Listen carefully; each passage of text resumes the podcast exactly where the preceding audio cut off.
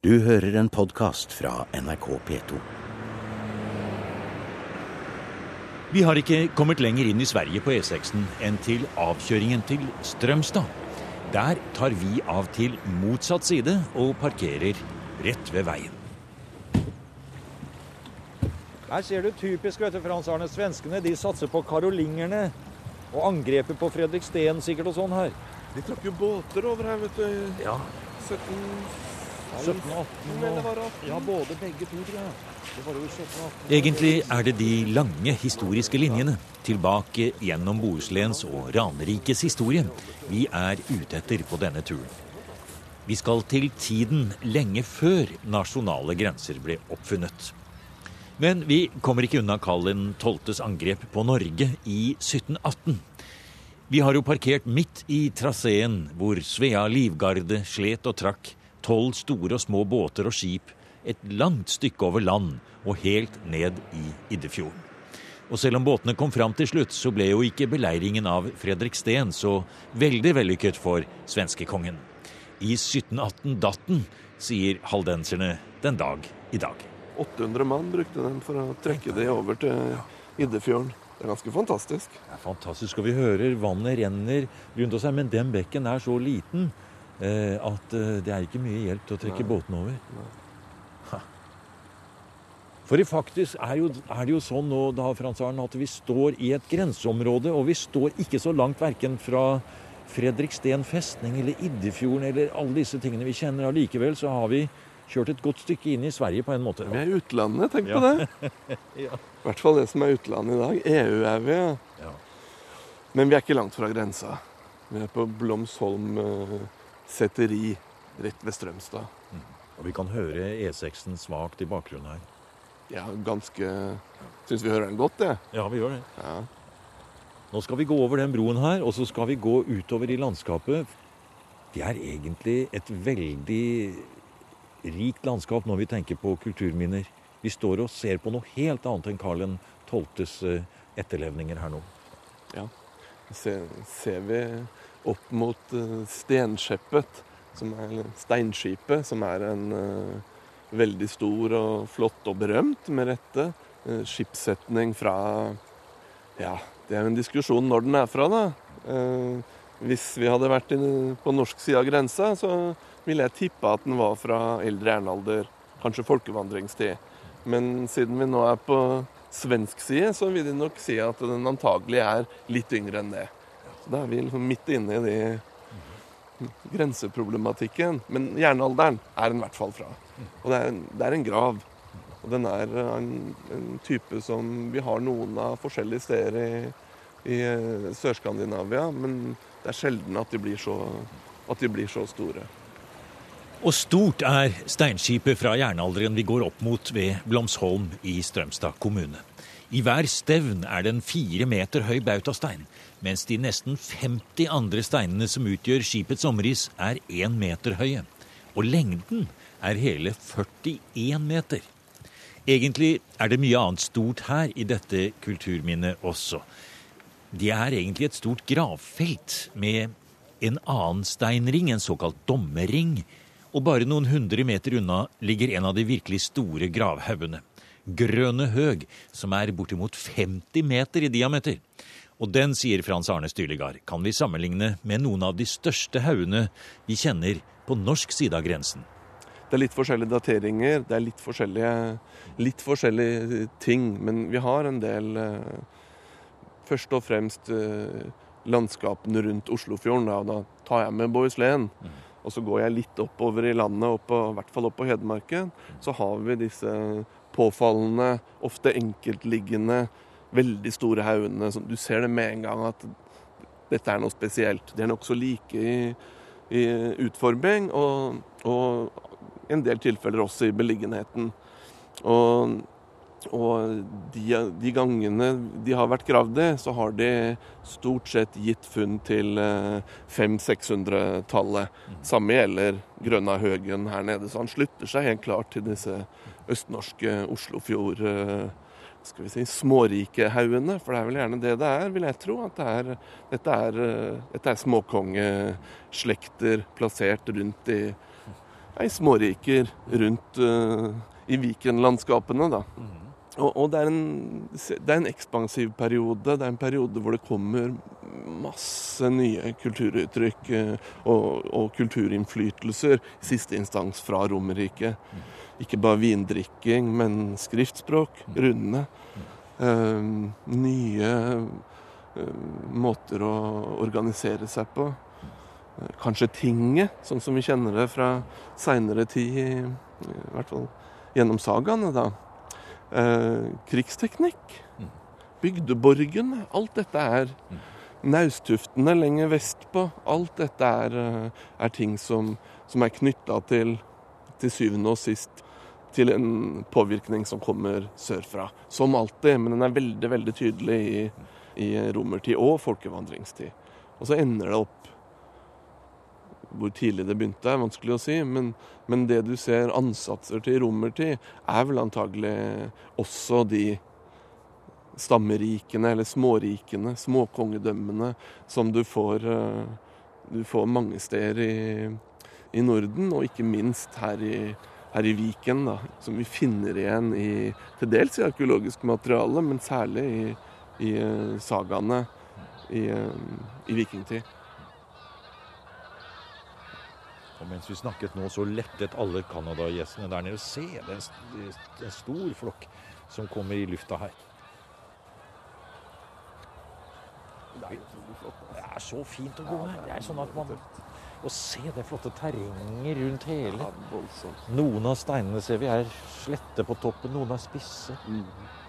Og disse gjessene som flyr i plogfasong. Det er jernalderen, folkevandringstiden, det som i Sverige heter vendeltid og i Danmark germanertid, vi er opptatt av i museum i dag. Og det er spesielt området på begge sider av Oslofjorden, medregnet Bohuslän, vi tenker spesielt på. Vi forsøker å se for oss flere sentralområder eller spesielle steder hvor det kanskje kan ha vært markedsplasser eller havner, møtesteder, og i hvert fall helt sikkert sentrale gravplasser med store monumenter. Ett av dem har vi her, ved Blomsholm utenfor Strømstad. Og snart skal vi reise lenger sydover i Bohuslän, til Grebbestad, og det aller største gravfeltet fra denne perioden. Og der skal vi treffe en svensk arkeolog fra Bohuslän museum. Men vi må helt opp og se det store stenskjeppet på nært hold. Vi blir slått av de enorme dimensjonene, men likevel det fins enda større skipssetninger, sier Frans Arne Stylegard. Og du har, det fins eh, enkelte skipssetninger i, i, Sverige som er uh, enda mye lenger enn denne. Men den er uh, Og den alle, de aller, aller største skipssetningene, de, har, de er det ikke så mange år siden vi ble klar over, men de befinner seg i Gjelling på Jylland. Og er flere hundre meter lange, det som er igjen av dem. Så der man, gravde man opp svære steiner, ikke helt ulike disse, på kirkegården i Gjelling. Flere ganger gjennom lang, lang tid og skjønte at dette var noe. Men det var rett og slett så stor avstand imellom dem. Og den sirk... Vi ser jo en Det er jo en ja, ja, ja, bue i denne. skipsform her, Men den, i Gjelling så er, så er den så er selve skipet har vært så langt at du ser knapt buen hvis ikke du da har innmari mange stein. Så det, det er det mest gigantiske, og det er vikingtida. Men hva var det, Frans Arne? Er det, er det, reisen til dødsriket som er på en måte det første vi eh, ramler over når vi skal prøve å, å tenke? Ja. et skip, hvor skal de, han nær sagt? Er det menneskene, som, de døde, som skal om bord her, eller mm. er, det, er, det, noe annet? Ja, det er altså din Ditt svar på det er akkurat like godt som mitt, fordi ingen veit. Og det er helt umulig å vite. ikke sant? Vi er i i beste fall så er vi Si at vi har de eldste skriftlige kildene som sier noe om, om førkristen religion i, i, i, i Norden. Si at de er fra slutten av 1100-tallet, da. De er i hvert fall ikke eldre. Og, og, og her er vi tre, fire, fem, seks, syv 800-900 år forut for det. Vi kan ikke vite. Vi kan, vi kan bruke fantasien, og vi kan, bruke, vi kan tenke på paralleller fra seinere tid og fra i noen grad fra andre kulturer, og så kan vi lage vårs et eller annet rammeverk som, som gir mening. Og øh, skip, øh, reisen til dødsriket, det er jo det er ikke noe dårlig, det er ikke noe, er ikke noe usannsynlig tolkning. Og, og, og, den, altså formen, ikke bare formen, men type monumenter, de fins fra bronsealderen enkelte steder, og fram til uh, vikingtid. Og så er det sånn Det er også noe man skal tenke litt over. Det sies, men det er ikke sikkert det er sant. Kanskje er det bare et, et sagn, men det er jo et interessant sagn. Altså her på Blomsholm så hadde, så hadde i, i, eh, under store nordiske krig, når Karl 12. skulle erobre Norge, så, han, eh, så hadde de feltsykehuset sitt her. Og sikkert bare ett av det, men de hadde et feltsykehus her. Og det, og det, fortelles at eh, de døde svenske soldatene, altså de som døde på sykehuset, de ble gravlagt inne i stenskjeppet. Og det behøver ikke å være sant, men det er en ganske god historie. Og, så, men poenget er at det er nokså få sånne som er ordentlig undersøkt. Flott beliggenhet og i et uh, vakkert kulturlandskap, men det er et, egentlig et relativt vanlig gravfelt med, med nokså lave, små uh, hauger og røyser. Og så troner dette ene skipet på toppen av det hele. Det kan jo, og det er det da også mange som har spurt seg om, om ikke det betyr at dette ikke primært er graver, men En markering? Ja, en markering, et, eh, et, anlegg som brukes i forbindelse med gravfeltet, men ikke nødvendigvis til å gravlegge mennesker i. Det gjør man rundt.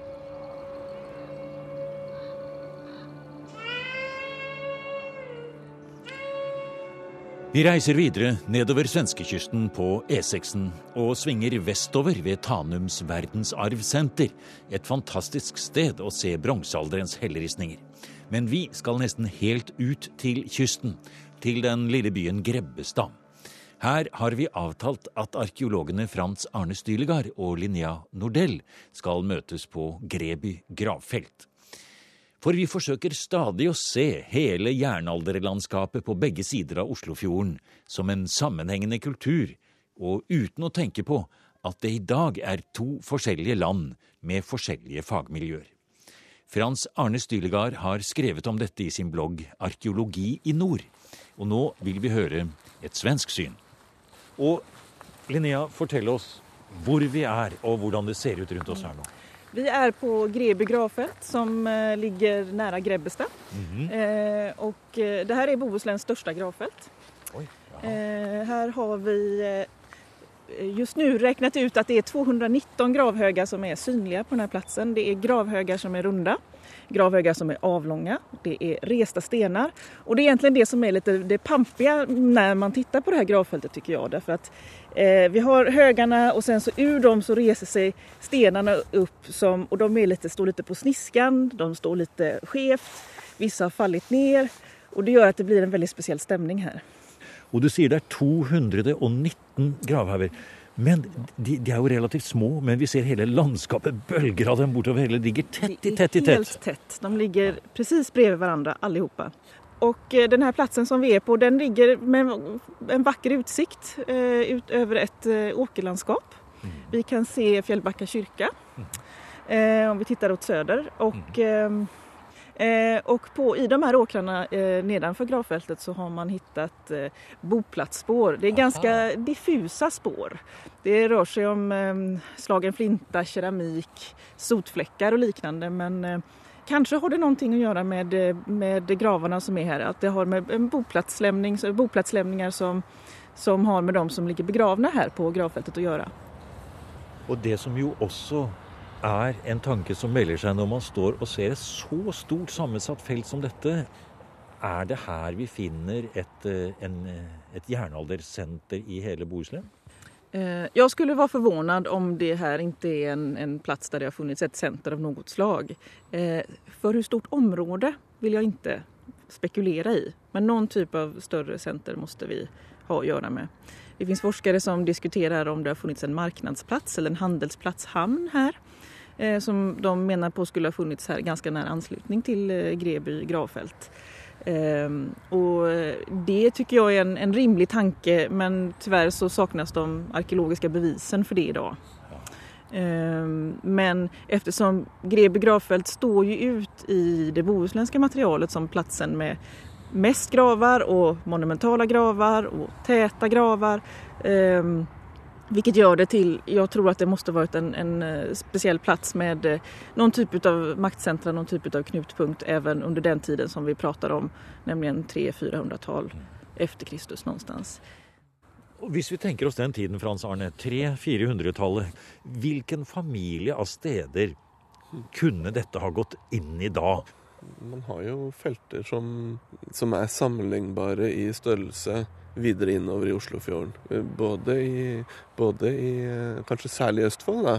Hun er et nærliggende eksempel. Storedal og til dels Gunnarstorp, selv om Gunnarstorp stort sett er litt eldre, så er i hvert fall både hun og Storedal eh, sammenlignbare. Ja. Og, og det er også veldig store og betydelige felter, ikke sant? Eh, og der har det, men i alle disse stedene så har man også hatt disse tankene og diskusjonene om en handelsplass, en markedsplass, en tidlig Kaupang har jo vært et tema på, på også de andre stedene. ikke sant? Man har tenkt seg at det må jo ha vært en, en anløpsplass eller et sted som, som, eh, som eh, man har tatt inn all denne fremmede importen i Brønnlandnes f.eks. Som her. Og det kan godt hende at det er en, det er en, eh, en del av forklaringa på hvorfor man får disse snodige og store og veldig monumentale feltene. da. I Sverige så kjenner vi jo til Uppåkra som et eh, stort jernaldersenter. Eh, Linnea, hvis du skulle på en måte forsøke å gi oss et nytt jernalderbilde eh, av denne delen av eh, Sverige. Er det slik at eh, vi kanskje kan tenke oss at nettopp Grebbestad-området, som jo vi bare tenker på som et sommersted, og hvor vi reiser gjennom, og hvor kanskje noen båtturister har vært, men ellers ikke tenker noe på, kanskje det en gang i tiden var et senter som var mye større, hadde mye større betydning? Eh, ja, eh, betydning eh, det kommer och går lite grann. Grebbestad har ju haft stor betydelse även senare som fiskeläge och som plats för fraktfart och så vidare under historisk tid. Men eh, om vi pratar om, om eh, förhistoria så, så vårt problem i förhållande till de men- monumentala gravfälten och då vi pratar ju inte bara om Grebbestad och Greby utan även Blomsholm, Vrångsta, Pilarne gravfält på Tjörn. Vi kan gå hela vägen ner ut med Bohuskusten eh, ner till eh, Kungälv där det finns monumentala gravfält med 80, 100, 150 gravar och mer. Eh, och vår, vår kunskap om de boplatser och de, eh, det liv som har förts i anslutning till de här gravfälten är väldigt, väldigt sparsmakad. Eh, Så därför är det svårt att peka ut ett uppåkra eller peka ut så. Men om vi tittar lite grann på, vi kan ju prata lite guld, är alltid trevligt. det guldtätaste platsen i Bohuslän ligger något söder om Grebbestad och eh, eh, heter Hög Edsten, ligger innanför Fjällbacka. Där hittats... Det er jo ikke så langt ned Nei, det er ikke det. Det er noen mil, Noen mil er det. Ja, ja. Eh, och där har man hittat under 1800-talet har man hittat eh, ett, ett, större guldfynd med, jag tror det var 17 föremål. Eh, bland annat sådana här spirallagda guldtenar men också en eh, svärdsknapp som med inlagda granater. Otro- Ett väldigt, väldigt vackert arbete som eh, där det finns eh, jämförbara både i England och i, eh, från Köln, Tyskland. Og det er datert til Eh, de är daterade till eh, ungefär 400-talet, Ok, ja, 400-500-talet. Da treffer vi jo midt i den perioden vi snakker om her. Det Precis. er også en av Nordens rikeste, rikest utstyrte graver fra Altså mannsgraver fra yngre romertid. For det jeg leter etter hele tiden her nå, det er et eh, Jeg prøver å mane frem et nytt bilde av Oslofjorden. Og jeg tør å si det rett ut, Linja, så du hører også Oslofjorden. Det kunne nesten vært fint om den hadde hatt et litt mer nøytralt navn, denne store fjorden som går inn. For det er vel litt vanskelig for Den har jo det, den heter jo Viken. Ja, nettopp! Viken! Det er Med en gang så ble det jo mye bedre. Ja. Når du sier Oslofjorden så tenker jeg på det som Det bitte Det lille der oppe. Ja, men vi tenker på det helt ut til Færder og helt ut til eh, riksgrensen og kanskje sånn. Gå fra Göteborg til Lindesnes. Ja, nettopp. Ja, ja. Ja. Sånn ser vi på det. rejält Ja. Men, nej, men det, skämt åsido, det, det är en rimlig tanke. Det är ett, ett sjöfartsområde där det har funnits mycket kontakt och där sjöfart har pågått förmodligen säkerligen sedan forntiden och fram till historisk tid.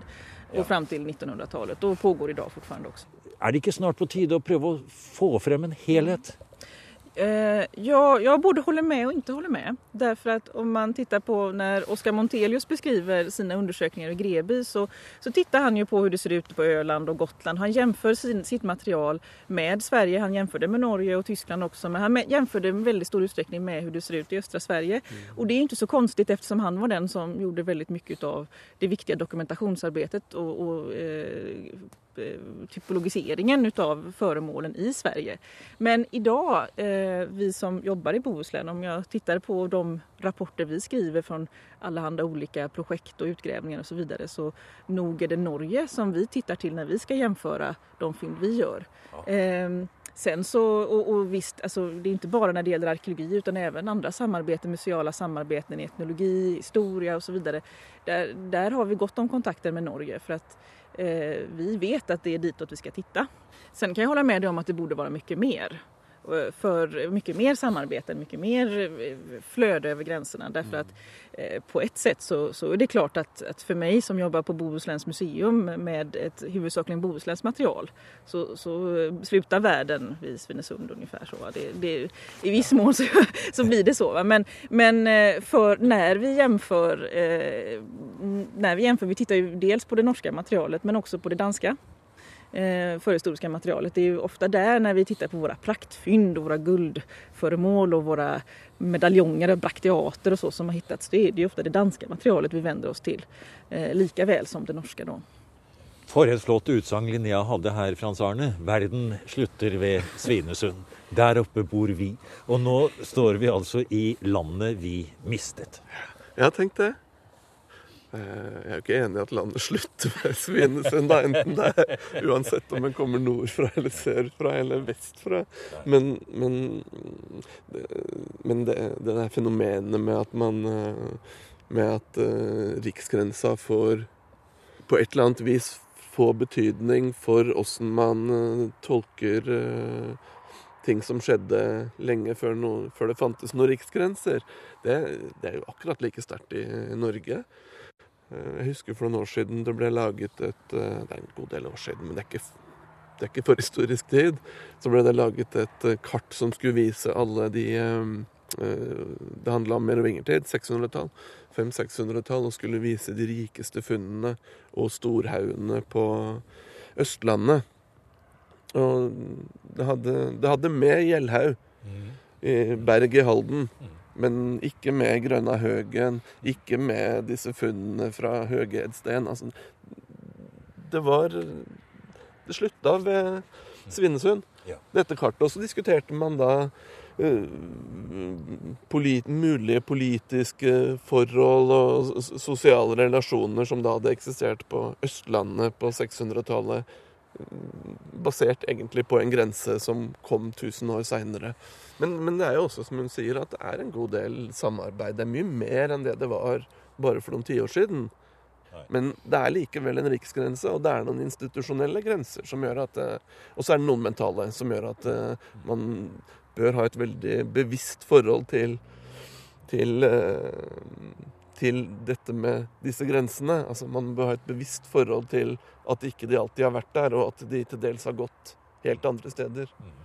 For eh, jeg leker jo litt med tanken i hodet når vi står og ser her nå på dette flotte mm. feltet, og Frans Arne står og holder seg til disse store, tunge, flotte steinene som står her.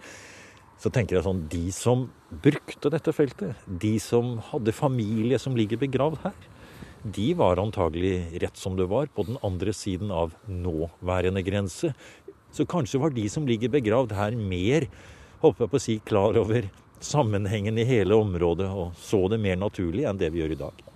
Jeg tror at vi skulle bli ganske forvirret om vi fikk se deres grenser. De skulle nok se ganske annerledes ut. Mm. Eh, från hur vi, hur vi tänker oss idag och, och, det är klart att det är lång tid av historia som har gått däremellan. Eh, vad jag funderar på ur ett bohuslänskt perspektiv och också i förhållande till Norge är vi kring i Bohusläns inland så finns det ju långa sjösystem Bullarsjöarna eh, och omkring dem så har vi väldigt spännande fornlämningsmiljöer och stora gravfält och så.